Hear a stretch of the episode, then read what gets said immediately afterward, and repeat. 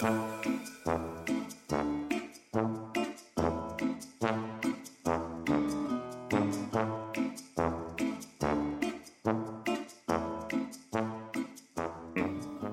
skal være sammen om, øh, om løftet om en ny hyrde. Og vi skal gøre det ud fra en tekst, som der står i Ezekiels bog, kapitel øh, 34. Og øh, det er måske ikke lige den tekst, vi oftest tager fat i, når vi skal øh, tale om Gud som hyrde. Jeg plejer ofte at tage fat i salme 23 eller Johannes 10, øh, hvor Jesus han siger, jeg er den gode hyrde.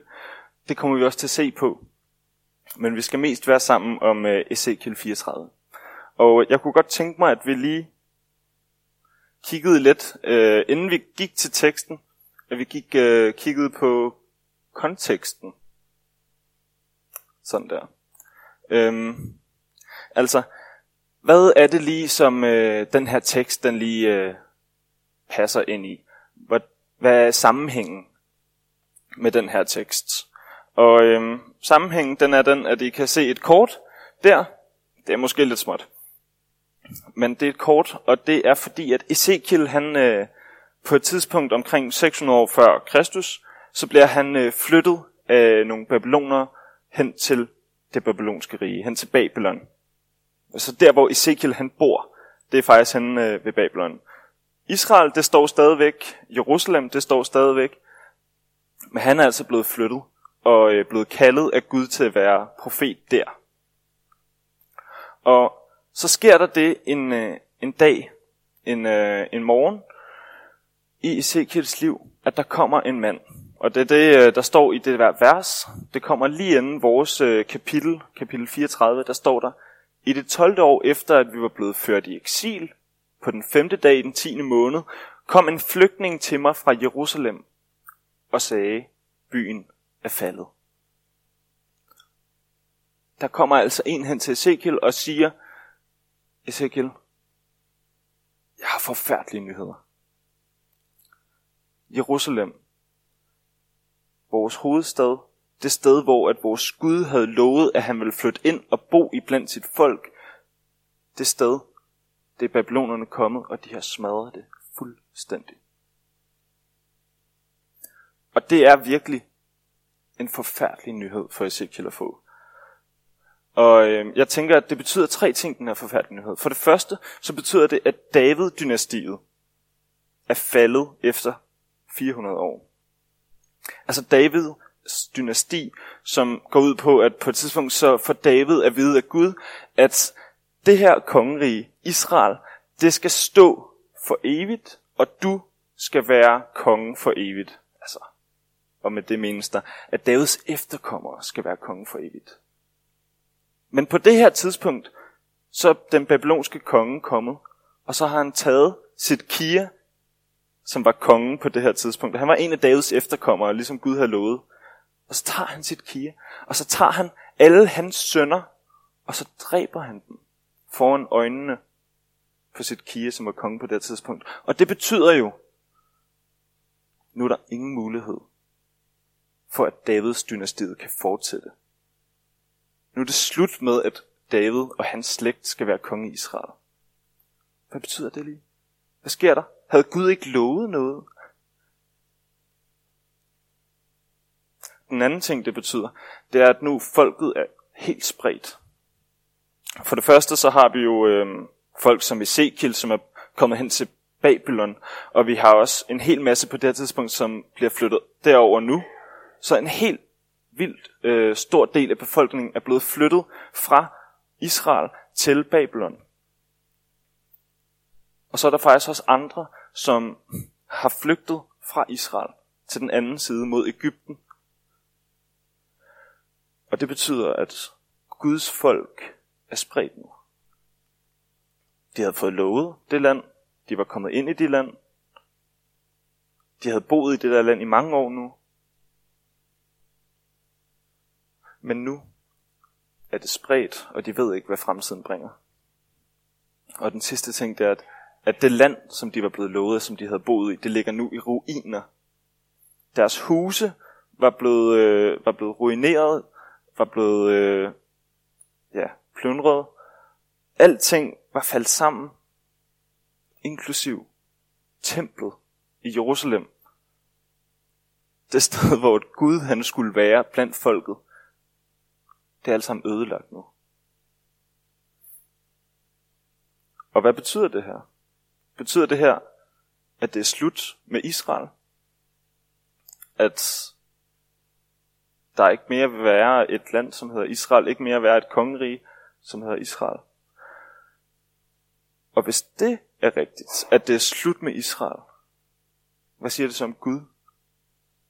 Gud, som havde lovet ting til David og til andre, om at det skulle bestå for evigt. Det betyder jo faktisk, hvis det er slut med Israel, at Gud, han holder ikke, hvad han lover. Men der sker noget mere. Øhm, Ezekiel, han, øh, han blev faktisk ikke så overrasket over, at den her flygtning kom til ham, fordi at aftenen inden det, der havde han fået et syn fra Gud, om at det her det skulle ske. Så han vidste det faktisk i forvejen. Men han havde fået flere syn. Han har faktisk øh, han har fået seks syn den aften, hvor at han har fået visioner om, hvad der skal ske med Israel. Hvad Gud han vil gøre for at rette op på den her situation. Og øh, det er så øh, en af de seks visioner, vi skal være sammen om i aften. Og øh, I skal prøve at læse det. Hvis man læser fra, øh, altså, fra den øh, tekst, vi skal være sammen om, og så frem til, vers, øh, til kapitel 39, så kan man bare se en hel masse om, hvad Gud vil gøre, og den helt store pointe er, det er ikke slut med Israel. Fordi Gud han træder ind. Gud han tager ansvar, og Gud han redder Israel. Og øhm, det er faktisk sådan øhm, med de her øh, visioner, at de er alle sammen delt op i sådan to dele. Og det er vores øh, tekst også. Og jeg har lige prøvet at lave et lille schema her, hvor I kan se sammenhængen mellem de to dele. Øhm, den første del, den handler om Israels hyrder, og den anden del, den handler om Israels får. Det vil sige, den første del handler om lederne i Israel, og den anden del, den handler om Israels befolkning, alle de mennesker, som bor i Israel. Og øhm, ja, I kan prøve at se, om I kan, I kan se nogle af de her ting, når, øh, når vi læser teksten, og det gør vi nu. Herrens ord kom til mig. Menneske, du skal profetere imod Israels hyrder. Du skal profetere og sige til dem, til hyrderne, dette siger Gud Herren.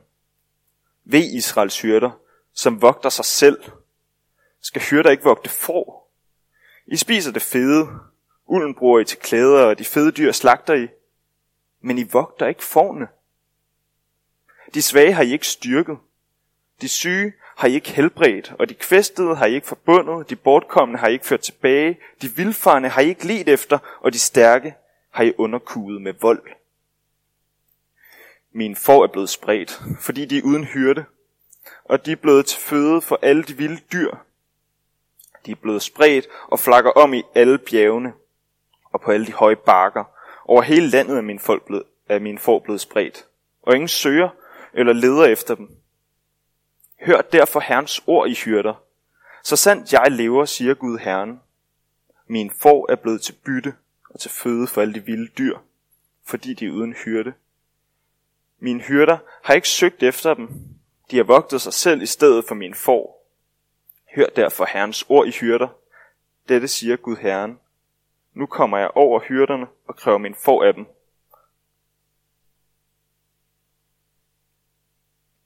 Jeg afsætter dem som forhyrter, de skal ikke længere vogte sig selv. Jeg river min får ud af gabet på dem, og de får dem ikke at æde. For dette siger Gud Herren, jeg vil søge efter min får og holde øje med dem. Som hyrden holder øje med sin jord, når hans får er spredt rundt om ham. Således vil jeg holde øje med mine får og udfri dem fra alle de steder, hvor de er blevet spredt. På de mørke skyers og mulmets dag. Jeg vil føre dem ud fra folkene, samle dem fra landene og bringe dem til deres eget land. Jeg vil vogte dem på Israels bjerge, ved vandløbene og overalt i landet, hvor de bor. På gode enge vil jeg vogte dem, og på Israels høje bjerge skal de finde deres græsgange. Der skal de lejre sig på gode græsgange og græsse på frodige enge, på Israels bjerge. Jeg vil selv vogte min får og lade dem lejre sig, siger Gud Herren. De vilfarne vil jeg lede efter, de bortkommende vil jeg føre tilbage, de kvæstede vil jeg forbinde, de syge vil jeg styrke, de fede og stærke vil jeg passe på. Jeg vil vogte dem på rette måde. Dette siger Gud Herren. Min får, jeg vil dømme dyrene imellem, både vædder og bukke. Er det ikke nok, at I har den gode græsgange græsse på? Behøver I at trampe resten af græsset ned? Er det ikke nok, at I har det klare vand at drikke? Behøver I at trampe rundt i resten af vandet? Min får må græsse, hvor I har trampet ned, og drikke, hvor I har trampet rundt. Derfor siger Gud Herren til dem.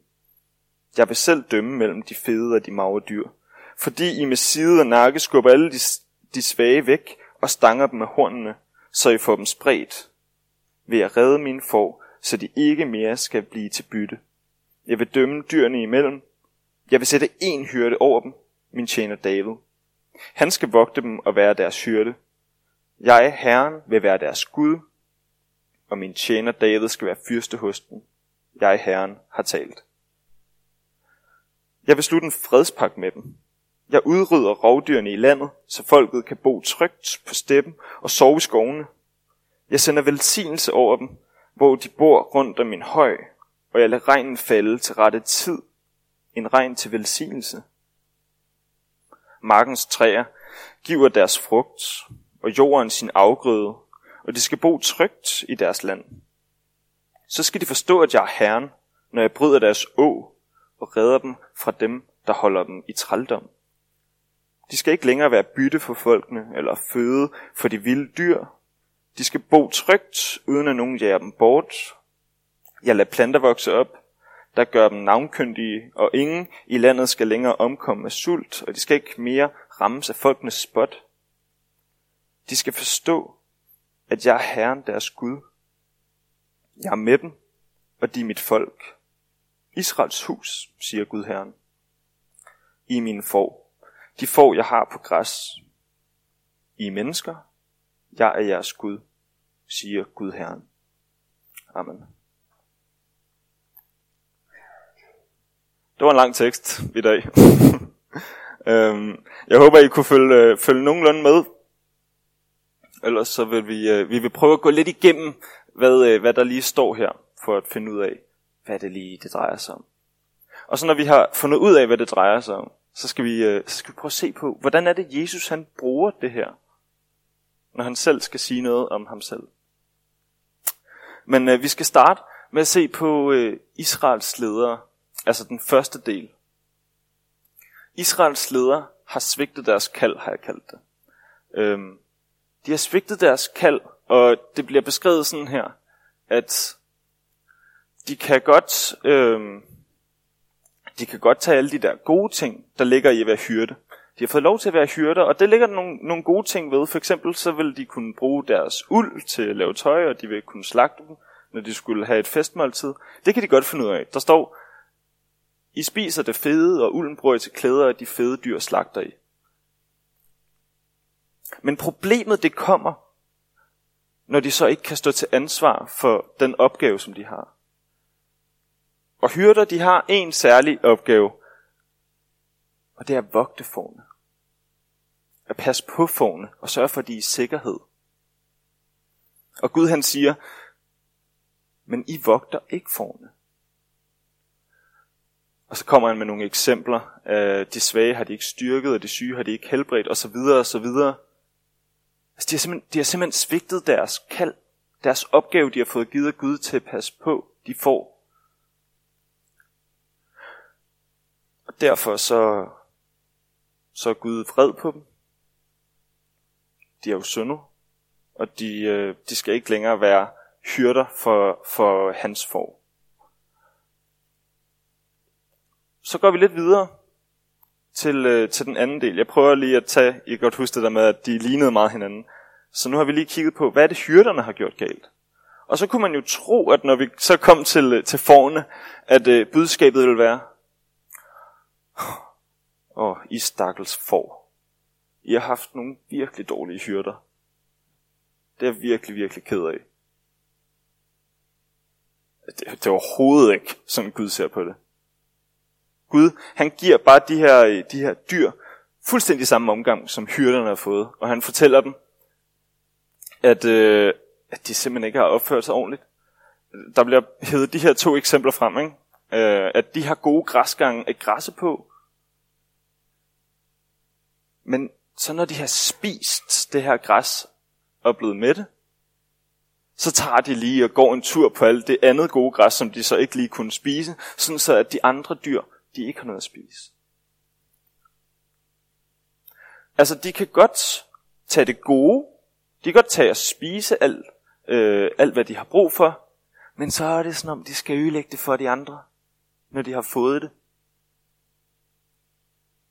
Prøv at lægge mærke til, hvordan det minder lidt om, øh, om det, som hyrderne også gjorde. De kunne godt tage det gode.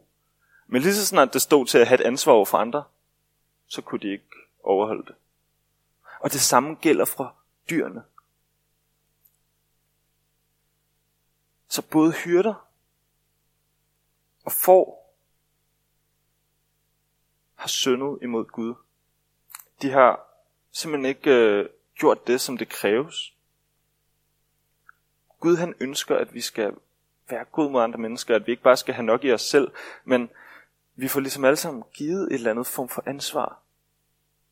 Altså, der er jo nogen, som får det direkte ved at være leder. Der, der er sikkert nogen herinde, der på en eller anden form øh, eller måde er leder for nogen. Altså, måske her i kirken, eller øh, det kan også være på en arbejdsplads. Det kan også være som forældre i en familie. Det kan også være, at man, øh, man har en eller anden form for, øh, for lederrolle for nogle mennesker, uden det sådan er udtalt på en måde, men sådan, at det bare, der er nogle mennesker, som, som er svagere end en, og som har brug for hjælp, og som har brug for forbilleder, og så bliver man på en eller anden måde deres leder. Og Gud ønsker, at vi skal tage det ansvar på os.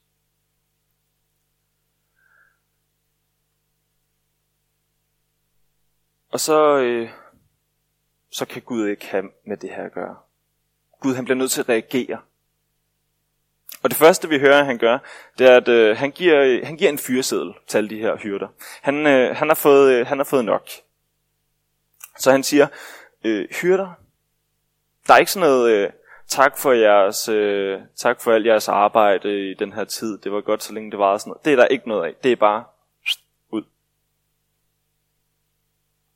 Det er ikke sådan en af de der fyresedler, hvor man lige får en øh, måneds løn til lige at øh, kunne klare sig bagefter. Sådan noget. Det er det ikke. Og vi ser det jo faktisk rimelig tydeligt, altså hvis vi kigger på Israel, øh, det der skete konkret i Israels historie, så kom der bare den der babylonske konge, og så smadrer han bare fuldstændig hele alle lederne. Både øh, kongen selvfølgelig, men også alle ypperste præster og sådan nogle ting. De bliver bare sat af. Og flere af dem blev dræbt. Øhm, så gør Gud noget mere. For ikke nok med, at Gud han, øh, han siger, det går ikke det her. Han går faktisk også selv ind. Og så siger han, okay, de her hyrder, de kunne bare ikke finde ud af at være hyrder. De kunne ikke finde ud af at vogte får. De kunne ikke finde ud af at vogte mit folk.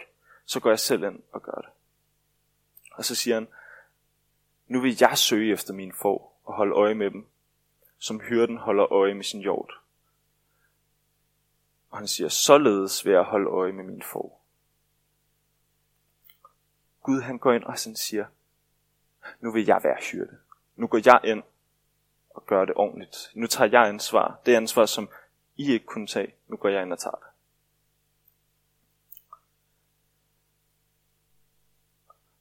Og så øh, her til sidst i vers 16. Det er sådan, at øh, både her i vers 16 og også i øh, de sidste vers i næste del, øh, vers 30 og 31 det så, der får vi sådan en sammenfatning på, hvad er det lige Gud han ønsker at sige her. Og jeg har lige prøvet at stille, øh, stille det op. Hvis I kigger i vers 16 i jeres bibel, så kan I se, at det er ikke helt den rigtige rækkefølge, øh, tingene står i. Men der er en pointe i det her.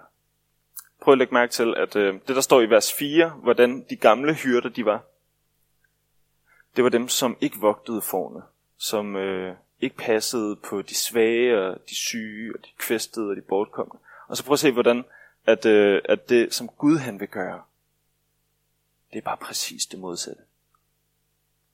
Gud han vil træde ind og gøre det godt igen. Han vil gøre det, som man rigtigt skal være en hyrde. Han vil vogte dem på rette måde. Han vil styrke de syge. Han vil forbinde de kvæstede. Alt det, som de andre ikke kunne. Det vil Gud gå ind og gøre nu. Og så, øh, så griber han også ind på en anden måde. Og det, øh, det får vi forklaret lidt mere, når vi kommer ned til den anden del der i teksten, i vers 23-24.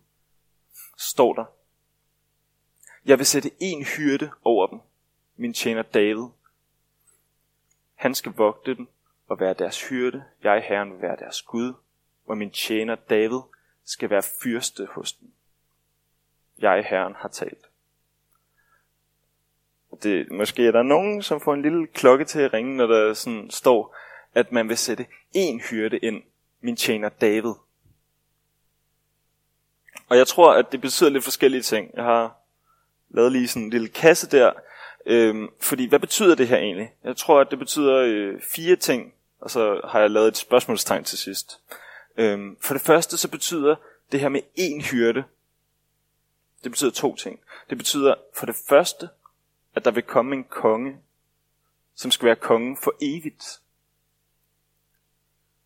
Og øh, altså, det kan godt være, at man siger, at David han, han skulle være kongen for evigt, men i virkeligheden så er det jo folk, som, som har været øh, efterkommer af David, og så når de er døde, så er deres søn så blevet konge, og så deres søn. Og det vil sige, at det er altid stoppet, det der med, øh, hvem der var konge i Israel. Og hver gang, at der var kommet en ny konge, så stod man og var usikker.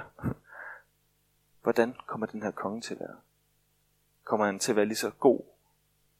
Eller lige så dårlig som den tidligere konge? Sådan kommer det ikke til at være med den her, øh, den her hyrde, den her fyrste, som Gud kommer til at sætte på. Han kommer til at være det for evigt. For der er kun én. Og den anden ting, det er, at øh, det er faktisk ikke kommet så meget ind på, men øh, på det her tidspunkt i 600 før Kristus på Ezekiels tid, der, øh, der var det faktisk noget tid siden, at Israel havde været et samlet rige. Der sker nemlig det, at øh, David, da han er konge, så får han en søn, der hedder Salomo, og øh, han dør på et tidspunkt, og så, så kommer der rav i den. Så ved de ikke lige helt, hvad de skal gøre. Og det ender faktisk med, at der er uenighed om, hvem der skal styre riget, og det slutter med, at riget bliver delt i to. Så det vil sige, at der har været to konger i Israels tid fra øh, 722 før Kristus, og så bare fremad. Der har været to konger. Men nu er det slut. For der skal kun være én hyrde, én fyrste. Han vil samle de to riger til et rige igen. Og så er der det der med min tjener David. Og øhm, det betyder ikke, at David kommer til at genopstå fra de døde. Det vil det vil man ikke tænke på det her tidspunkt som jøde. Det, vil, det ligger totalt fjernt. Hvad det til gengæld ikke lå så fjernt at tænke, det var, for det første, David, han var den ideelle konge. Han var den perfekte konge. Jeg går nok ikke sådan, altså David, han levede ikke et perfekt liv, men han blev ligesom billedet på den helt perfekte måde at være konge på. Og fremadrettet, så blev alle de næste konger i Israel når de skulle bedømmes på, hvor gode de var, så blev de sammenlignet med David. Og nu får vi så at vide, at den hyrde, den fyrste, som, øh, som Gud kommer til at sætte over Israel, det kommer til at være min tjener David. Altså en perfekt hyrde. Og så betyder det også en anden ting, nemlig at det kommer til at være en fra Davids slægt. Og hvordan i alverden kan det lade sig gøre? når den babylonske konge var kommet ind og havde dræbt alle Kias sønner, altså den sidste efterkommer af David. Han har dræbt alle hans sønner. Hvordan kan det så være en fra Davids slægt, som kommer til at være konge? Måske nogle af jer, der sidder der og tænker, at I har et svar på det, men det havde de her jo ikke på det her tidspunkt. Og så er der endnu en ting, et spørgsmål, som jeg tænker, måske er der også nogle af jer, som kunne have et, et bud på et svar.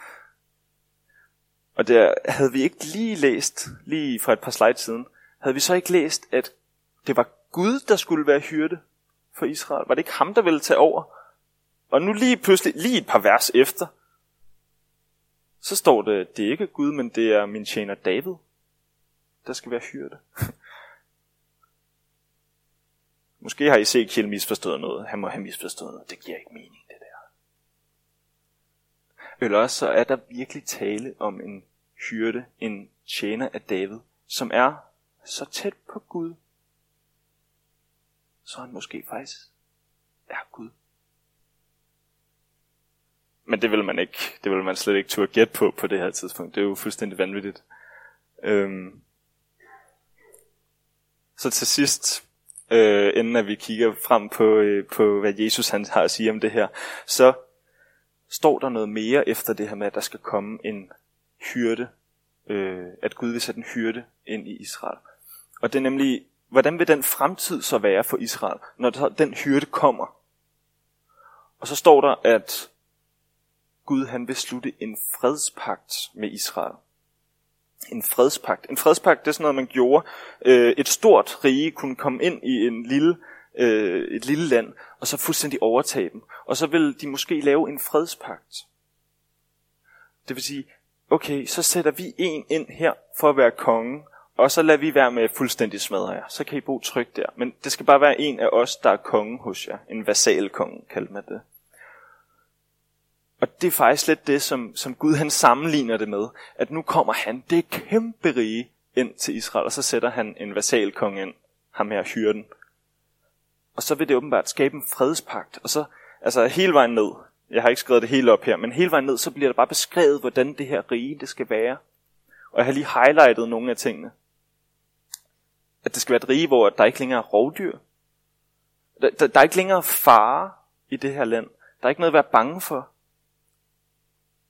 Og det vil sige, at det er jo faktisk et land, hvor man kan leve trygt. Folket kan bo trygt nu. Og så også lige highlightet, at de bor rundt om min høj. Og hvad betyder det lige? Guds høj. Det er Sion. Det er Jerusalem. Det er der, hvor templet er.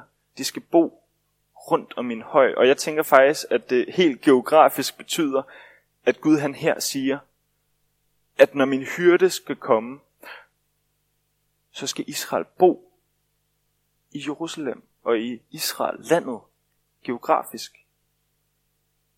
Og så på det her tidspunkt, der skal det være velsignelse. Og måske er der nogen af jer, der tænker, øh, det er måske øh, lidt ligesom den situation, vi ser nu i Israel. Øhm, og det er det faktisk ikke. Det, det er rigtigt, at Israel de bor faktisk geografisk i det område, som Gud havde lovet dem helt tilbage ved Abrahams tid. Det er rigtigt, de bor i det område, og de bor også i Jerusalem, øh, rundt om min høj. Men det er ikke et land, hvor man kan bo trygt. Det er ikke et land, hvor der ikke er nogen rovdyr. Og jeg tror, det har noget at gøre med det her.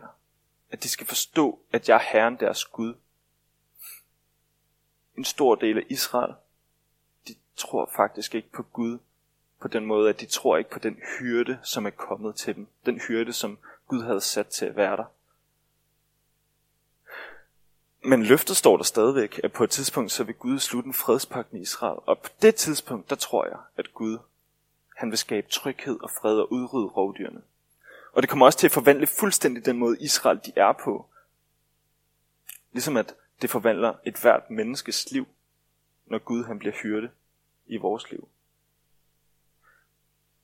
Så kommer vi til at passe på den svage. Vi kommer til at tage vores ansvar seriøst. De ting, som, som Gud han påpeger, at det, øh, det har de ikke gjort, Israels hyrde på det her tidspunkt. Så på et tidspunkt, så tror jeg, at Israels folk, de kommer til at se, at det er Gud, Jesus er den hyrde, som Gud han vil sætte ind. Og så skal der på et tidspunkt komme tryghed og sikkerhed og velsignelse i landet. Så er vi nødt til det. Jeg har givet det overskriften, alle Guds løfter har fået deres ja i Jesus. Det er noget, øh, noget Paulus siger. Og det er jo en hel masse løfter, der er her i Ezekiels bog. Og de har så åbenbart fået deres ja i Jesus. Og jeg vil gerne lige hive tre pointer frem fra Johannes evangeliet, øh, kapitel 10. Øhm. For det første så siger Jesus, at jeg er den gode hyrde. Og han siger faktisk ikke bare, at jeg er den gode hyrde, han siger, at jeg er den gode hyrde. Altså det, det er næsten sådan, om han har jo snakket med, med farisæerne og sådan nogle folk, som faktisk var ledere i Israel på det tidspunkt. Og så har han sagt, jeg er den gode hyrde. Og farisæerne på det her tidspunkt, på Jesus tidspunkt, de var rimelig gode til deres bibel. Ude på DBI, der føler nogle af os også, at vi er rimelig gode til vores bibel. Men vi skal bare pakke sammen i forhold til dem her. De her, de var virkelig gode til deres bibel. Så når Jesus han siger det her, så ved de med det samme, hvad det er, han hentyder til. Nemlig den her tekst, som vi er sammen om nu. Og Jesus han siger, prøv at se det, som der står om en hyrde, der skal sættes ind. Jeg er den gode hyrde. Og øh, farisæerne, de var jo faktisk en form for ledere på Israel, eller i Israel på det her tidspunkt. Og så tænker de, øh, jamen hvad betyder det så for os? Kan I godt se, at på en eller anden måde, når Jesus siger, jeg er den gode hyrde, som skal, øh, skal få Israel til at slippe for alle de dårlige hyrder, så på en eller anden måde, så bliver det en kæmpe stor kritik af de her fejsager. En kritik af, at I tager ikke jeres ansvar seriøst. I øh, svigter den svage. I passer ikke på de får, de mennesker, som I har ansvar for. Så bare det, at Jesus han siger, at jeg er den gode hyrde, så siger han jo både, at han er den hyrde, som, øh, som Gud har tænkt sig til den, men han siger jo også, I gør det ikke godt nok. I gør det ikke godt nok. Og han siger jo også om forne, at I gør det ikke godt nok. Og han siger faktisk også til os i dag, at vi, vi gør det ikke godt nok. Vi kan ikke følge med det, som Gud forventer af os. Vi kommer til at svigte dem, vi har ansvar for, dem, som vi på en eller anden måde er noget for. Og vi kommer til at træde på det græs, som nogle andre skal spise, selvom vi selv er mætte. Og derfor så er Jesus faktisk ikke bare en hyrde. Kan I huske det der med, at, at øh, den måde Gud vil være hyrde på, vil være den helt modsatte af, hvad de andre Israels hyrder, de vil være øh, den måde, de var hyrde på. Der er Gud helt det modsatte. Og det tager Jesus faktisk til ekstremerne. Fordi de gamle hyrder, de vil ikke gøre noget for deres får. Så kommer Jesus. Og så gør han noget, som ingen hyrde nogensinde vil gøre. Det er min anden pointe. Den gode hyrde sætter sit liv til for forne. Og det kan godt være, at øh, I har da egentlig få på færøerne. Er der nogen her, der har været hyrde? Nej, det er man måske ikke længere. Rammer måske mega meget ved siden af. Men måske nogen af jer, der kender en hyrde. Og jeg ved ikke, om der er nogen af de hyrder, som nogensinde har fundet på bare at kaste sig ned i afgrunden for at redde et får. det vil man ikke gøre. At du passer måske på forne, men du går ikke i døden for et får. Det er det slet ikke værd. Det gør Jesus. Han gør præcis det modsatte, og han gør det faktisk på den måde, at han går fra at være hyrde til at blive en del af forne. Han bliver et får selv ved at blive et menneske. Og vi hører jo om i Johannes åbenbaringen, at han ikke bare bliver et får, men han bliver som et slagtet lam. Han sætter sit liv til for forne, for fornes skyld, sådan så at de får, som havde fortjent at blive slagtet, de bliver ikke slagtet alligevel, fordi han blev slagtet for dem som den hyrde, som gav sit liv for sine får. Og så siger Jesus en ting mere, som også er meget overraskende. Han siger, at Jesus øh, har også andre får, end dem, som de får, som hører til i den her folk, altså Israel. Jesus har andre får, end bare dem i Israel. Han har får, som endnu ikke har hørt om ham, men som skal høre om ham, og som skal være en del af hans folk, hans gruppe får.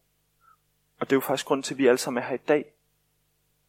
Fordi han blev ikke kun slagtet for alle i Israel, men han blev faktisk slagtet for alle i verden. Og også for os. Det er derfor, vi sidder her i dag. Det er derfor, vi kan sige til Gud, Gud, du er min hyrde, og jeg er tryg.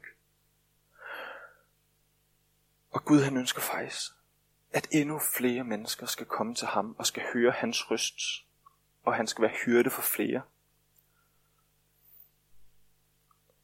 Han ønsker det for de mennesker, som bor her i området, som ikke har hørt om ham. Han, øh, han ønsker det for, øh, I bor på, mange af jer bor på sådan et kollegie, ikke? Er, er, det, er det rigtigt, der er cirka 1500 mennesker, der bor der? Og Gud, han kalder på dem alle sammen. Han ønsker sådan, at de skal være en del af hans forflok, og han kan passe på dem, og være sammen med dem, og føre dem hen til det velsignede sted, hvor at der ikke er nogen rovdyr, og hvor at man kan bo trygt, hvor der er velsignelse. Og her der snakker jeg ikke om øh, det sted øh, ved Herrens høj, som er Jerusalem. Jeg taler om det nye Jerusalem. Det er der, Jesus vil føre alle hen med sin røst. Og vi må takke Gud for, at han gjorde det. Han kom, og han blev slagtet, gjorde det, som ingen hyrde nogensinde ville finde på at gøre. Men vi må også bede om, at flere mennesker må høre hans kald. Og øhm, det vil vi bede for nu. Kære Jesus, tak fordi, at du er den hyrde, som tager dit ansvar seriøst. Tak fordi du er den hyrde, som gør det, som ingen anden hyrde vil gøre. Nemlig selv at blive et får og blive slagtet, så vi ikke behøver at blive det. Tak fordi, at du er en god hyrde, som leder os hen til et godt sted. Et sted, hvor vi skal leve for evigt, og hvor vi skal have det godt altid. Men Jesus, vi beder dig også om, at du må kalde på flere. At flere må høre om dig. Og vi er bare nogle få. Men hjælp os alligevel med at gøre det, som vi kan.